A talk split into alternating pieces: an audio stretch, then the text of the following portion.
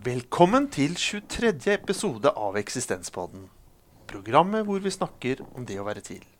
Mitt navn er Erling Berrum, og i dag så har jeg fått besøk av Fredrik Andersen. Eh, Du har blitt anbefalt av meg selv etter at jeg leste om deg i Fredrikstad Blad. Først og fremst takk for at du ville komme. Ja, takk for at jeg får lov å komme.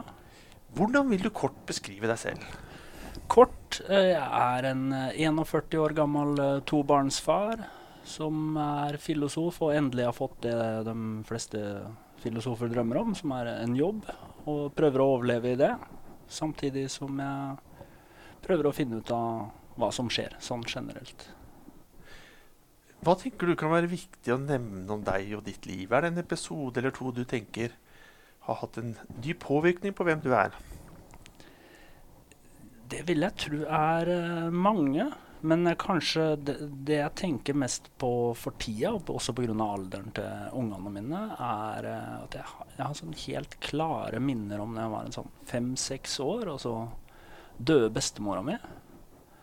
Og så Det var da jeg på en måte sånn på ordentlig skjønte at det, det her kommer til å skje med meg. Allerede så tidlig? Ja, og så skamma jeg meg over det. Og så jugde jeg til foreldrene mine og sa at jeg var lei meg fordi bestemora mi var død. Så var jeg egentlig lei meg fordi at jeg skulle dø sjøl. Og det tror jeg Det er sånn Den opplevelsen her er noen sånne enkeltøyeblikk som er helt sånn krystallklare. Som kommer tilbake. eh, Som jeg husker i forskjellige situasjoner. Eh, om det har forma hvem jeg er, eller hvordan jeg tenker, eller noe sånt, nå, det har jeg ikke peiling på. Men det er i hvert fall et sånn et klart øyeblikk i livet mitt hvor det, hvor det gikk fra Hvor noe av uskyldigheten på en måte ble tatt fra meg, da. Fra livet. Uh, og når jeg da i tillegg ikke har noen Jeg har jo ikke noen gudstro, jeg har ikke vokst opp i noe hjem med noen gudstro, jeg har ikke vokst opp i et samfunn med en sterk kirke. Vi har på en måte vært oppdratt på skolen og idrettsforeningen og hjemme. Så har jeg veldig lenge tenkt at jeg har sånn gjennomsnittlig 80 tilmålte år som jeg må bruke til et eller annet, og så får jeg ikke mer. Og that's it. Og det setter en Det er noe jeg prøver å minne meg om. eh, Det er vel en sånn Hva var det romerne pleide å si? Sånn memento mori. Altså husk at du skal dø. Det prøver jeg å ta med meg en gang imellom. Når jeg er fanga i Ja, én ting er jo den derre jaget med at en skal ha penger og ting, og at en skal rekke alt, og at en skal ta ansvar der det skal, om en skal hjelpe til på fotballen til ungene, eller om en skal møte på dugnad, eller Det å balansere det å på en måte ta vare på seg sjæl, og det å være ordentlige folk, det ligger jo der hele tida. Når en har det der ultimate endepunktet, ikke sant. At der, ja, på et eller annet tidspunkt så er du bare ferdig, og da er det ikke noe mer. Vanligvis så går jeg nå rett videre og spør Ja. om temaet for, for dagens samtale. Da åpna jeg litt hardt. Nei da. Eh, jeg vil si veldig interessant, for jeg klarer ikke å dy meg og, og, og holde litt fast i, i det du snakker om innledningsvis. Eh, for det første så stusser jeg over at man får en sånn klar dødserkjennelse, og ganske uforskyldt dødserkjennelse, så Mm. tidlig i livet. Ja. Men samtidig så syns jeg det er uhyre interessant at det, det er forbundet med skam. Eh, hvordan eh, Kan du bare utdype oh, ja, det litt? sånn, Hva, ja. Ja. hva så, om du husker noe hva, det, hva slags type skam handlet det om? Jeg har aldri hørt de satt sammen i, i sammenheng. da. Det, det tror jeg. Det blir jo sånn i etterpåklokskapens ånd. Men jeg tror nok mest at det handla om at jeg skjønte at den tida her var til for å være lei seg over noe annet. Eller altså Faren min hadde nettopp mista mora si. De hadde et veldig nært, godt forhold. Og så skulle jeg drive og blande inn mine egne ting oppi de greiene her. Uh, om det, Jeg kan ikke tenke meg at det var reelt på noen måte, bortsett fra inni huet mitt. Men uh, det er sånn jeg husker det, i hvert fall. Eh, det er sånn eh, som det sitter i huet mitt. At eh, jeg skjønte at det var feil tid å ta all plassen. Samtidig som jeg måtte jo forholde meg til de greiene her. da. At jeg skal, jeg skal dø. Mange mennesker som når de får denne opplevelsen eller erkjennelsen første gangen, så forbindes det også med en, en type dødsangst. Opplevde du noe av det i en så ung alder, eller var det en annen type erkjennelse av døden enn Nei, Man kanskje nei får som voksen? Nei, jeg var redd og trist. Ikke noe av det uh, på en måte eksistensfilosofiske frigjøringa eller noe av det greiene der. Ikke i det hele tatt. Og, og bare syntes det var uh, forferdelig. Og når du er liten, så har du heller ikke noe rammeverk å sette det i, og det tror jeg vel egentlig ikke jeg har klart å bygge meg opp senere heller. Mer sånn at en har lært seg strategisk uh, unngå det når en eh, må, og prøve å ta i det når en kan. Ja. Du har også blitt bedt om å velge ut et, grunn, et tema uh, for dagens episode som skal være en grunnleggende dimensjon ved det å være til som menneske. Hva har du valgt som tema for i dag? Jeg har valgt uh, tema fri vilje, og litt sånn løst rundt det.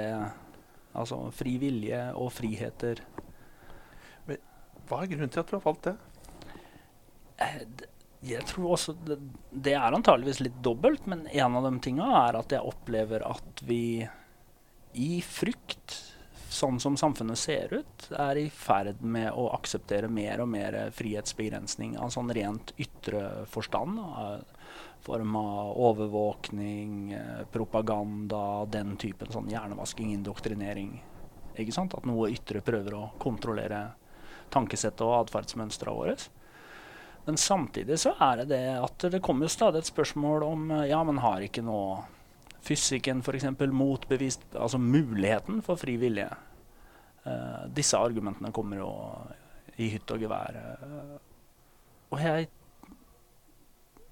syns liksom ikke det er noe fart i de argumentene som skal fjerne muligheten. Og så syns jeg det ofte blir en sånn avsporing for hvor viktig det er da, å få lov, uh, i den tilmålte tida vi har, da, å få lov å gjøre det uh, Å tørre å gjøre det som vi har lyst til. Det er jo sånn, eh, broren min er eksistensfilosof, og han eh, nevner ofte for meg en sånn undersøkelse hvor de har intervjua folk som er eh, på dødsleiet. Og en av de tingene som kommer helt helt øverst av det folk sier når de er i ferd med å dø, at de angrer på, er at de ikke gjorde mer sånn som de ville sjøl. Vil du si denne innskrenkningen i, i valgfrihet som vi åpner for uh, ved å akseptere mer og mer eh, av det er vel teknologi og digitaliseringsmulighetenes eh, herredømme, at det er også med på å avhumanisere oss til en viss grad? Ja, det er en del av det, i hvert fall. Uh, og, men det er òg den derre uh, For å bare plukke en tilfeldig uh, meningsfiende, så ta Folkehelseinstituttet. ikke sant? Vi skal spise mer gulrøtter, vi skal bruke mindre snus, drikke mindre øl, eh, slutte å røke sigaretter, alt det der. Ja, og jeg skjønner det. At det selvfølgelig, helsemessig, det, det gir seg. Det er bedre. Men det er noe med det å få lov å velge å være idiot en gang imellom, som jeg syns er viktig. Og så er det noe med de midlene som blir brukt. Det er jo stadig mer skjulte midler. Type nudging, dulting, den typen ting. Nudging, hva, hva er det for noe? Eh, nudging er en sånn derre strategi som kommer fra atferdsøkonomien, som, som de kaller for da valgarkitektur. Sånn at hvis jeg setter opp Jeg kan sette opp et uh, fysisk miljø rundt deg i en situasjon hvor du kommer til å ta et valg, som sannsynliggjør et valg over et annet. Uh, letteste eksempelet er at hvis jeg har bare sånne små gulrøtter eh, ved siden av disken i butikken, så kjøper du flere gulrøtter. For i butikken står du i kø, ungene står ved siden av deg, de maser på at de skal ha noe. Da plukker du et eller annet. Det er jo derfor sjokoladen står der nå. ikke sant? uh, sånne type ting. da. Så hvis du bare legger opp valgstrukturen Du trenger ikke å tvinge noen, trenger ikke å straffe dem, trenger ikke å sette inn avgifter eller noen ting. Men bare ved å sette opp verden på en viss måte, så sannsynliggjør du enkelte valg. Men det er jo, sånn som jeg ser det, da, så er jo det også en, følger jo i en sånn en enorm propaganda- og manipulasjonstradisjon. ikke sant? Det er ikke bare folkehelse og frigjøring her. Det handler òg noe om hvor indoktrinerte skal vi bli, hvor mye skal vi gå i takt før det ikke er greit lenger. Handler ikke også om eh, ofte kommersielle motiver? Eh, jeg tenker på dagligvarebutikker som legges opp på en måte for at vi skal kjøpe mest eh, mulig. Helt klart. Og, og akkurat i dagligvarebutikker går det sikkert an å argumentere for at staten faktisk bør sette noen regler for å styre sånn at eh, du ikke blir pusha i den retningen av sukkerprodusenter eller hvem nå de onde er for øyeblikket. Men, men det at vi stadig får mer av det. ikke sant? Obama hadde et eget nudging-institutt. Britene har hatt et eget nudging-institutt. Det er noe med Når det her blir svært nok, så blir det litt sånn Det fanger alt, da. Obama? Ja, Obama var veldig fan av den typen uh, nudging. Uh, Hva slags type nudging var det han Nei, En av de tinga som amerikanerne har brukt spesielt, er jo å sette på når du har sånne uh, default options. Jeg vet ikke hva vi kaller det. Ja. Men vi kan ta et eksempel fra Kredittilsynet i Norge da, som ligner. Før, når jeg hadde Jeg har Mastercard. Og før, når jeg fikk regninga på Mastercardet, så var regninga sånn ferdig utfylt på at jeg betaler minimumsgebyret på 250 kroner. Eller så kunne jeg bytte over til å betale de pengene jeg faktisk skylder. ikke sant? Det gjør jo da at hvis du bare hamrer gjennom eller nettbanken din, så betaler du bare den lille. Og da løper jo rentene. ikke sant? Og de rentene er jo sinnssyke. Så det er bra for banken, dårlig for meg. Og så uh, Amerikanerne gjorde noe lignende i forhold til pensjonssparing. Ikke sant? At de satt en uh, default-valg da, på, som ikke var på den minste pensjonssparinga, som gjorde at den amerikanske befolkninga begynte å spare til pensjon. Og det er jo bra. Det er fint at de sparer til pensjon, men det er noe med mål opp mot middel her som er litt sånn Gjøres ikke også mye av dette her uh, i enda kanskje større skala knyttet til reklame og sosiale medier i forhold til hva som tilpasses oss? Ja, ja, ja. Og det er den styringa, da. Det er det sant. Det er der, det er der hvor uh, Når du sitter med en Hvis du tenker da at en fri vilje er et form for indre prinsipp, det er noe som kommer fra deg. Det er ikke bare genene dine, det er ikke bare naturlover, og det er ikke bare ytre faktorer. Det er noe som er ditt, som du vil i verden. Og dette her blir jo da trusler mot det, ikke sant. Og det er klart at når du hiver på at vi sitter på telefonen hele dagen, og når vi ikke er på telefonen, så sitter vi på datamaskinen, og det som kommer inn der, så blir jo det en enorm kraft til den uh, påvirkninga. Svekkes uh, vår fri viljemuskel, for å si det på en litt uh, ja, ja, måte? Kanskje, kanskje det er Jeg vet ikke helt åssen jeg tenker om det. Kanskje det at det, er, at det krever litt trening å stå imot.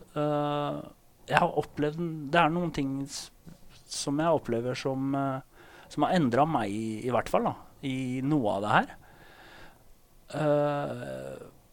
jeg har opplevd at både på jobb og i sosiale sammenhenger Hvis du tillater deg å bare ikke sensurere deg, si det du, det du syns var morsomt, f.eks. Vi snakka litt i forkant, og du nevnte at du syns standup-komikere er morsomme. Jeg er veldig opptatt av humor og kan få meg til å si ting Aller mest fordi de er morsomme, selv om de er sånn ekstremt upassende. Det, det er ikke noen sanksjoner. Det er ikke noe farlig. Men vi lever i en sånn forestilling om at det fins forventninger om at det er farlig, at vi ikke skal si sånne ting. Så sensurerer vi oss sjøl, ikke sant. Så jeg opplevde at det har vært litt sånn øyeåpner for meg. da, At det, nei, det er ikke noe farlig. Uh, si nesten hva som helst, så sant du ikke er slem da, eller rasist eller liksom kling gæren så så er det rom for å både si og gjøre veldig mye utafor det vi tror er en sånn forventningsstandard. Jeg fristet nesten Ja. til å utfordre også på det lille forbeholdet. Ja, Og da med tanke på presidenten i USA. jo. Hva han tillater seg jo, av atferd, det ligger jo utenfor det hva vi fleste av oss tillater, Ja. tillater oss. Nå, nå tenker jeg vel mest at uh, de grensene som ligger der, ligger jo i De grensene jeg kjenner, ligger jo i det, den på en måte lille delen av verden som jeg uh, utfolda meg i. Og på jobben min eller med foreldra i barnehagen eller sånn, så tror jeg ikke jeg kan slippe unna med noe sånt noe. Eh, det hadde ikke vært noe interessant for meg heller, men jeg tror ikke noen andre hadde sluppet unna med det heller. Der tror jeg vi har noen sånne klare grenser. Men de grensene er ganske langt ute. Eh, og det er mye rart du kan gjøre som er, uh, Så som er jeg- greit. Ja. Hvis jeg forstår deg rett, så, så, så mener du at vi har et større handlingsrom og for å bruke dagens terminologi om fri vilje, at vi har større viljerom da, Ja, enn det vi kanskje utøver. ja, vi har mye større viljerom enn det vi utøver. Men samtidig så har vi da, i forhold til det ytre presset som du eh, også snakker om, i forhold til sosiale medier og hele den der greia der, der får vi jo tildelt bare en sånn bunke med formler, ikke sant? Som gjør at vi tror at det ligger et sett med forventninger til oss. Og så oppfører vi oss i henhold til det settet med forventninger. Som bare er noe vi har som ikke fins. Det er vel også kanskje slik at vi, vi i tillegg til det, så vi tror vi velger. Men når det er veldig sånn nudging, jo, så, jo. så, ja. så velger vi kanskje i mye mindre grad. Da, fordi vi, vi manipuleres jo litt også i valget vårt. Ja, og det, det gjør vi. Men der, der tenker jeg at grad er det sentrale ordet der. Uh, fordi en sånn absolutt 100% fri vilje, det har vi ikke. Jeg kan ikke knipse med fingrene og så blir månen til en grønn ost. Eller jeg kan ikke hoppe opp på taket av rådhuset her. Jeg, altså, det er begrensninger. Uh, men det fins grader her, ikke sant? Hvor vi ikke må la oss helt sånn utslette. Og ja, vi er påvirka av det rundt oss. Vi er påvirka av genetikken vi har. Vi er påvirka av åssen vi har vokst opp. Vi er påvirka av hvilke kamerater vi har. Alt det der greiene der har påvirka oss. Det vil ikke si at eh, hvis du regner opp alle de tinga, så er det ingenting igjen. Det er det jeg mest er eh, interessert i å, å, holde fast i når vi snakker om, om uh, fri vilje. Og jeg tenker at det er viktig å, å holde fast i det og, og uttrykke det. Jeg har lansert uh, for egen del, da, og da når jeg snakker med min sønn bl.a., Ja. en sånn tredelt uh, tilnærming. Mm. Hvor jeg sier at uh, du er 33% arv, ja. 33% miljø, og så er du 34% egenart. Ja. Hvor i også den fri vilje ligger. Ja, ja, ja. For å gi den en liten, eh, lite overtak, da. ja, ja, ja. Hva tenker du om det? Nei, det er jo ikke noe dårlig Det er jo ikke noen dårlig måte å, å tenke på. Så er det jo klart sånn at den debatten her er rar, ikke sant? Vi, vi snakker om arv som noe eget og miljø som noe eget. Det er klart at det, Du får ikke miljøfri arv eller eh, arvefritt miljø. ikke sant? Arv og miljø er jo et fellesskap som spiller i hverandre, litt sånn som uh, kortspill. Altså du må Du får kort fra Jeg vet ikke om du spiller poker, jeg.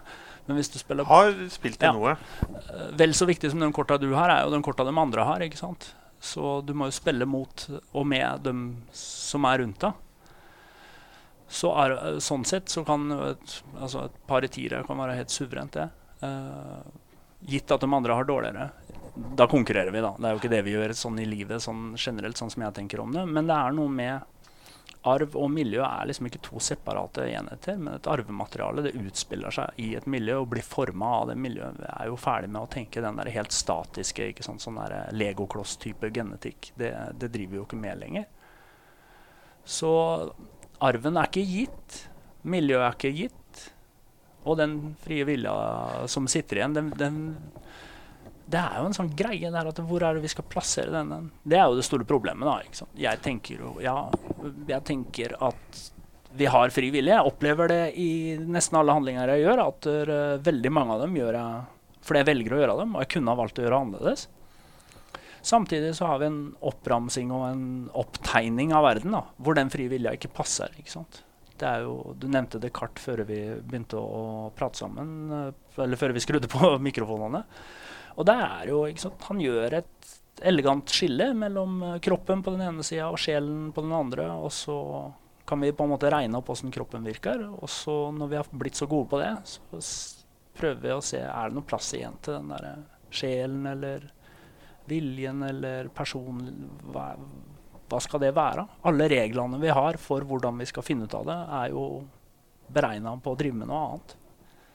Så vi sitter litt sånn tomt der. Og da, da opplever jeg det som veldig lettvint, da. Når jeg får uh, servert disse argumentene om at uh, nei, nei, men fri vilje er jo umulig. Fordi at verden er deterministisk, og fysikken har bevisst ditt og datt, som men selvfølgelig ikke har bevisst det, og, og en del sånne ting. Og det, det er, da er det litt viktig å holde i det. At eh, for det første, hvis du skal ta fra meg noe som er så dypt personlig og så viktig for meg, da bør du ha et bedre argument. Jeg har noen ganger med egen familie hatt litt, eh, om enn litt skøyeraktig, litt sånn viljetrening. Ja. Eh, hvor jeg har det med alle i bilen, da. Mm. Så kjører vi ut. Skal vi til høyre eller venstre? Nei, vet vi ikke. Vi får se hvor viljen tar oss. og Ja. så har vi holdt på slik en time eller noe sånt for å se hvor vi ender, bare for å velge. Bare liksom Ja. ta noen valg der og da, så prøve å finne ut etterpå hvorfor vi valgte som vi gjorde. Ja. Hvorfor var det vår vilje? Hvorfor ville vi gå til høyre og ikke til venstre? Ja. Vi har i utgangspunktet egentlig ikke noe spesielt mål eller noe, noe mening med det, men vi bare reiser ut for å ja. gjøre mange valg, da. ja. Og det, men det vil ikke nødvendigvis si at det er tilfeldig, ikke sant? Ikke nødvendigvis. Nei. Eh, nei. Vi, Og det- og det er- diskuterer etter ja. hvert veikryss. Så det er- diskuterer vi. Den todelinga vi gjerne jobber med, enten så er det sånn fullt ut ferdig determinert, eller så er det tilfeldig. Og det er en sånn ekstrem av og på-skala som veldig sjelden fungerer at det fins bare to ekstremer og ingenting imellom. Uh, vi, vi har jo noen sånne Vi har en sånn filosofikafeer i Fredrikstad spesielt. da. Eh, vi holder på med noe som heter Torpeskolen filosofifabrikk med broren min og søskenbarnet mitt som har vært en del folk på og sånn. Og der havna vi i, Når vi snakka om fri vilje der, så havna vi litt i den diskusjonen. ikke sant? Ja, men hva kan det være, da, som er her imellom? En sånn en absolutt tilfeldighet og en absolutt nødvendighet. Men det, men det er jo rart å tenke at det ikke skal være noe imellom der. Er det, er det de to eneste mulighetene? 100% og null? Eh, og jeg har jo tidligere, tidligere veiledere og sånn uh, jobber ut en årsaksteori som handler om nettopp uh, sant, disposisjoner eller tendenser. Som handler om grader. Da, å se, på, se på årsaksforhold i grader. Og det kan du gjøre her òg. Graden av frihet i det valget. Uh, Ja, jeg er veldig tilhenger selv Ja. av, av mer gradstenkning. Og har selv skrevet en aforisme tidligere i mitt liv hvor Mm. jeg skrev for å beskrive livet da, at det, da alt møtte intet og ble til noe. ja. Så øh, livet er ikke noe absolutter, verken i den andre retningen. Det er noe imellom. Bortsett fra at du skal dø. Det er absolutt. Ja, og, og det kom meg inn på et eh, spørsmål som uh, jeg noterte meg her. Ja. Og vi snakker om fri hvile, og, og noen ganger så i livet så har jeg møtt venner og kjente som har kommet med utsagnet 'Men jeg har ikke valgt å bli født'. Nei. Så livet i seg selv, det at vi er til, eh, kan jo oppfattes også som en sånn absolutt Ja. eh, situasjon som vi ikke har valgt. Ja, Selv om ja, ja. jeg pleier å si til mine barn at eh, de har valgt meg som pappa. ja, riktig. Da tror jeg du ljuger. Ja da, det er Men, litt tøys og tull, ja. men, men det, er liksom, det er litt morsomt. da, Så sier jeg jeg er så glad for at dere valgte meg. Dere hadde så mange å velge mellom, og så så dere ned. Altså, du skal være pappaen min, og du skal være mammaen min. Ja. Så jeg bare syns det er veldig hyggelig. De er småbarn. Ja, ja, ja. Og det er jo en, ve en veldig fin tanke. Men hvis jeg henger meg opp i den uh, at vi ikke har valgt, da. Det er jo sånn vi opplever det, er det ikke det? Det er jo flere, det er vel Heidegger òg som snakker om det at vi er bare kasta inn i verden. Altså en sånn pælma inn. Plutselig så ser du deg omkring, og så OK, nå må jeg prøve å finne ut av det her. Det er jo så mange situasjoner i livet hvor du har den typen opplevelse. At det, det var jo ikke det her jeg skulle. Men du må forholde deg til det, ikke sant? Og du må øh, velge hvem du skal være i den situasjonen. Skal jeg være han når det skjer noe skikkelig gærent? Skal jeg være han som setter meg ned og griner? Skal jeg være han som løper for å ta ansvar? Skal jeg være han som blir leder? Hvem er jeg skal være her? Og dem, det hjelper ikke å bare sitte og si at 'jeg har ikke valgt det'. Uh, jeg har ikke valgt å havne i den situasjonen. Du, du må velge hvordan du skal forholde deg til den situasjonen. Det, det er noe jeg liker også veldig godt i måten Kant skriver om etikk på. Da. Og Kant sin etikk er jo veldig sånn frihets- og viljesetikk, uh, sånn som jeg leser det i hvert fall. Og det er noe med OK, hva du skal gjøre, er nå et spørsmål. Men åssen skal du gjøre det? Hva er du villig til å tillate deg? Er villig, hvilke måter er du villig til å oppnå de tinga du ser på som viktig på? Der er det mye rom for å styre sjæl, ikke sant? Mange, mange snakker om det å, å være seg selv, å være seg selv mer. Mm. Velge seg selv mer. Kan det ha noe med å utøve egen frivillige mer? Ja, det kan det. Uh, men det må ikke, tenker jeg. For når vi snakker som være seg sjøl mer, så tenk I hvert fall sånn det låter for meg, da. Kan hende at det er jeg som misforstår de uh, samtalene der. Men for meg låter det ofte som at det betyr at jeg må være litt mer sånn rusk og gæren. ikke sant? Ta på meg rosa hatt eller uh, danse på diskotek eller et eller annet sånt noe. Jeg opplever jo meg sjøl som en sånn ekstremt streit fyr, sånn som jeg lever. Ikke sånn som jeg tenker, og I huet mitt er det helt vilt. Men ute i verden så er jeg en sånn pliktoppfyllende, ryddig fyr som stort sett møter til tida og gjør jobben min og passer på barna mine og synger nattasang og gjør de tinga jeg skal gjøre. da. Ja, Men til, da er jeg Ja, for det syns jeg er viktig. Jeg syns det er viktig Jeg ser Jeg ser ikke opp til folk som systematisk møter for sent. Jeg ser ikke opp til folk som ikke tar vare på ungene sine. Uh, det her er ting som jeg syns handler om det å være ordentlig folk. da. Uh, og, men jeg kan ta vare på ungene mine med å, å, spille Snoop Dogg til frokost eller hva som helst. Det er jo ikke noe farlig. Eh, ikke sant? Så kan, det går an å skli utafor allikevel. Men det er noen ting som bare skal til for å være ordentlige folk, sånn jeg definerer ordentlige folk. Uh, jeg er ikke noe sikker på om jeg kunne gitt deg en sånn god definisjon av hva ordentlige folk er for noe. Men ja. Men kan det handle om å ha litt grep om egen vilje, for å si det slik? At du, du klarer litt grep om eget liv i forhold til bl.a. egen tid? Ja. Du treffer et sårt punkt da, når du snakker om tid, for der opplever jeg akkurat for øyeblikket at jeg liksom henger uh, etter. Uh, men det er jo Du må jo velge, og du må prioritere det er ikke alltid de prioriteringene er de smarteste. Det er ikke alltid En av de tingene jeg sånn rent personlig har vanskelig for, er jo å prioritere uh, ja.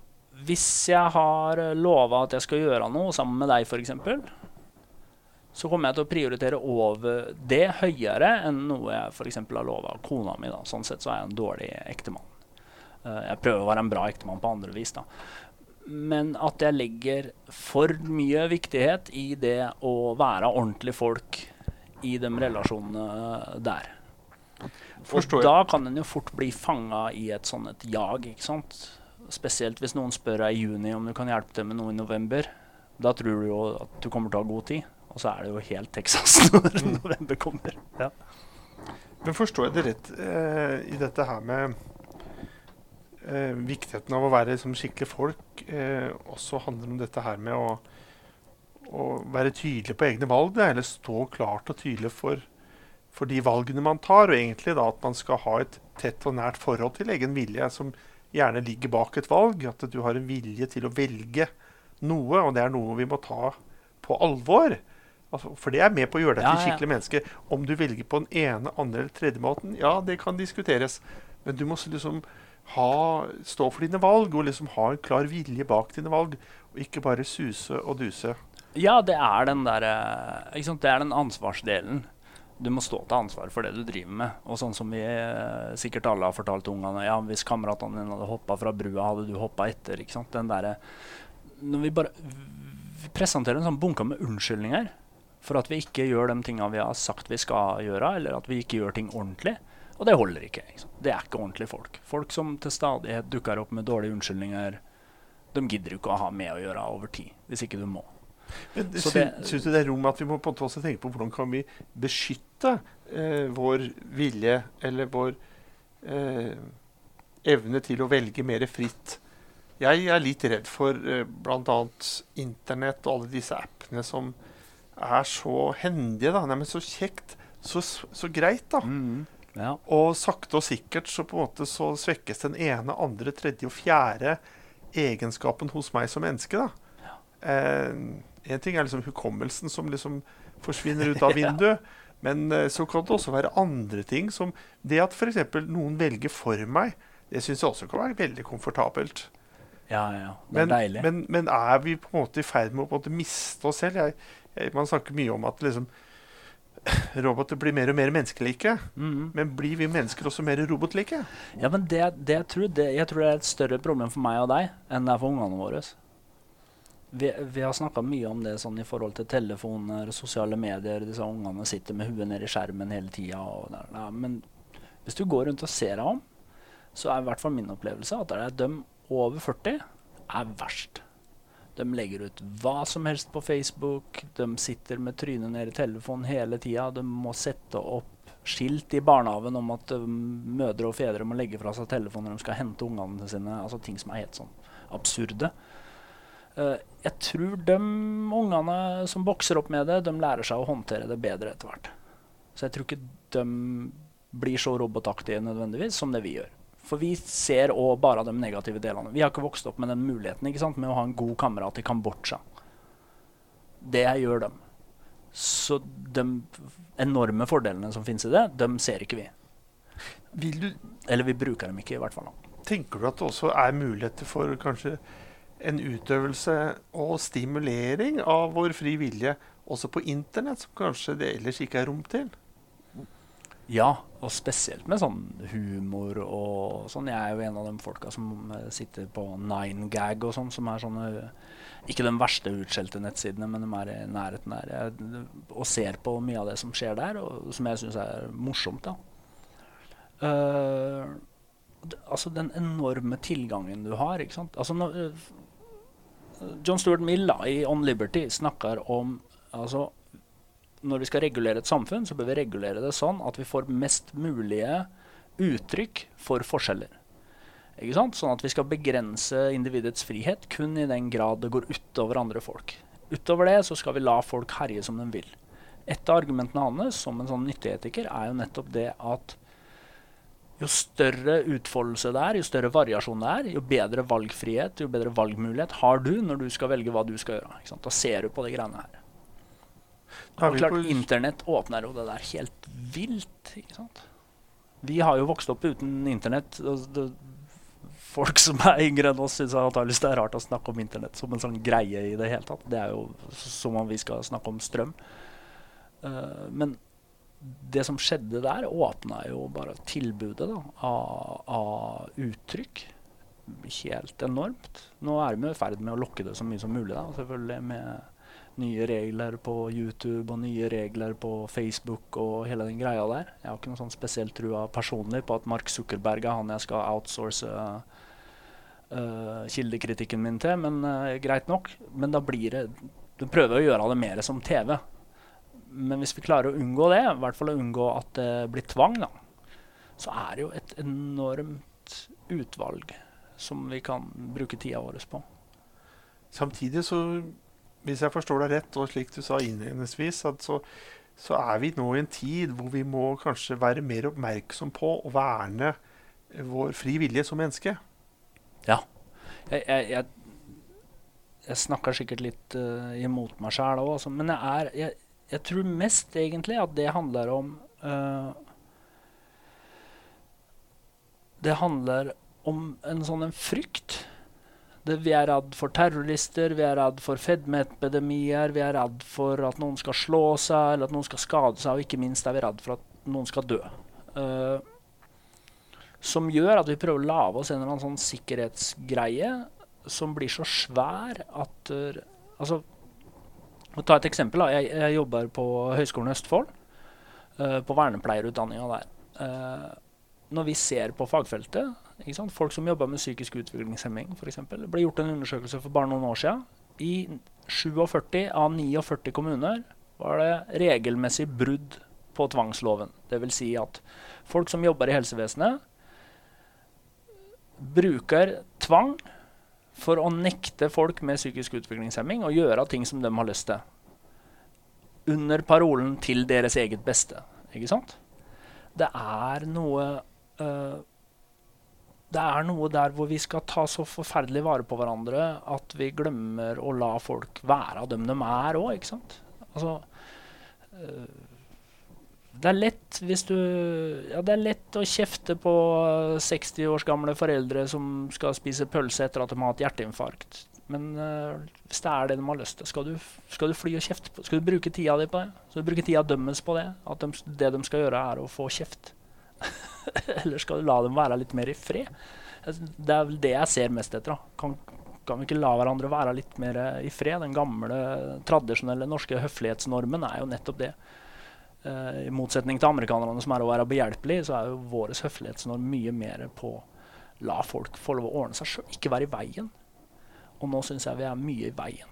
Vi er inne og blander oss med både hverandre, og staten blander seg. og jeg syns det er litt uh, uggent.